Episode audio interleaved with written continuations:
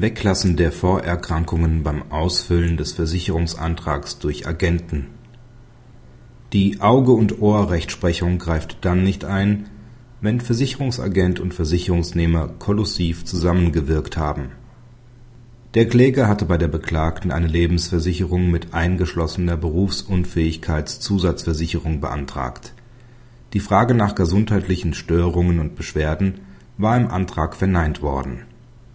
Der Kläger begehrte Versicherungsleistungen mit der Begründung, er könne seinen bisherigen Beruf als Kfz-Mechaniker wegen eines Bandscheibenvorfalls nicht mehr ausüben. Daraufhin erklärte die Beklagte den Rücktritt vom Versicherungsvertrag und focht diesen wegen arglistiger Täuschung an. Sie verwies darauf, dass der Kläger bei der Beantwortung der Gesundheitsfragen falsche Angaben gemacht habe. Das OLG hat die Klage abgewiesen. Dabei ging es davon aus, dass der Kläger den Versicherungsagenten der Beklagten bei Antragstellung auf Vorerkrankungen, insbesondere auf eine frühere Rückenerkrankung, hingewiesen habe.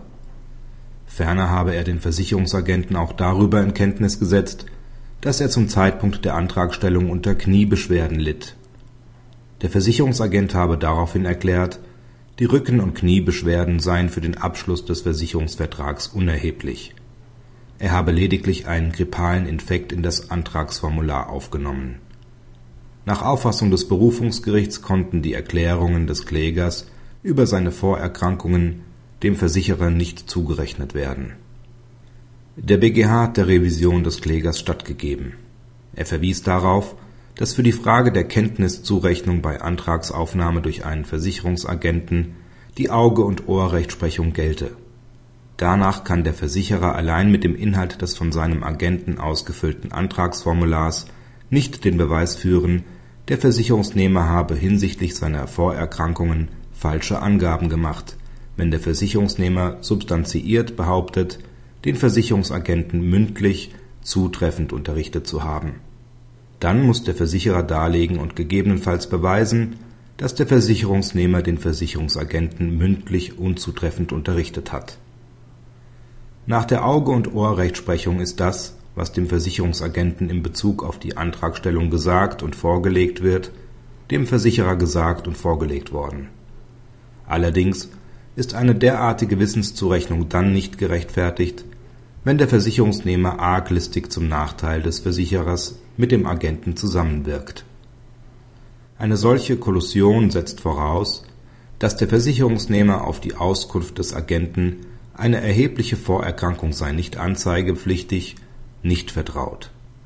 Ferner muss er in Bewusstsein der Anzeigeobliegenheit erkennen und billigen, dass der Versicherer durch das Vorgehen des Agenten über seinen Gesundheitszustand getäuscht und dadurch in der Entscheidung über den Abschluss des Versicherungsvertrags beeinflusst wird. Gerade deshalb muss er wollen, dass die betreffende Erkrankung im Antragsformular unerwähnt bleibt der BGH bemängelte am Berufungsurteil, dass dort lediglich festgestellt worden sei, dass der Versicherungsagent die ihm gegebenen Informationen zu den Vorerkrankungen des Klägers nicht in das Formular aufgenommen habe. Dafür, dass der Kläger dieses gewollt und gebilligt hätte, sei nichts ersichtlich. Der BGH verneinte auch einen sonstigen Missbrauch der Vertretungsmacht seitens des Agenten. Nach der Rechtsprechung des BGH kann sich der Versicherer auf einen Vollmachtsmissbrauch auch unterhalb der Schwelle der Kollusion berufen.